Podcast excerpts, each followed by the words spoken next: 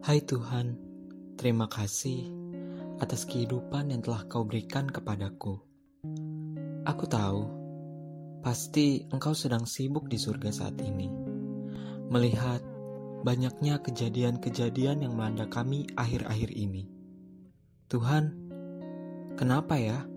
Terkadang aku selalu merasa cemas dan gelisah. Apakah mungkin karena aku sering merasa sendirian dan takut? Di usiaku yang sekarang, sahabat memang datang dan pergi. Tapi, jika ada di samping pun, aku tetap merasa asing dan sendiri.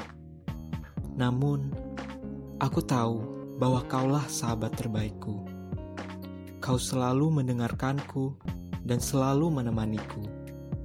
Terima kasih untuk selalu mengingatkanku untuk selalu bersandar dan bercerita kepadamu, sehingga aku tak perlu lagi merasa kesepian.